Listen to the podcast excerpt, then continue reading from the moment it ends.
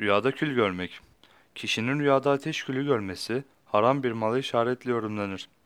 Bazılarına göre rüyada kül görmek üzüntü ve kedere, göz ağrısına ve hidayetten yani doğru yoldan sonra delalete yani sapıklığa düşmeye işarettir.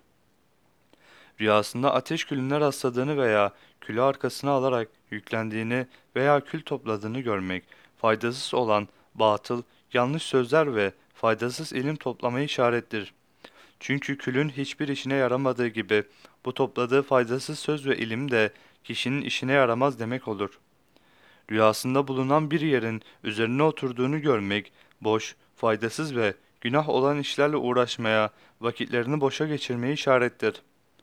Bazı yorumcularca bu rüya kendisinden yararlanılmaya, yaramaz mal toplama yani biriktirmeye işaret eder denilmiştir. Rüyada görülen kül bazı yorumculara göre sahibini yakan haram bir malı işaretle yorumlanmıştır. Kül görmek kötü bir göze, faydasız bir ilmi işaretle de yorumlanmıştır. Hulasa kül görmek pek hayri işaret değildir. Pek hayra yorumlanır tarafı bulunmamaktadır. Çünkü kül değersiz bir şeydir.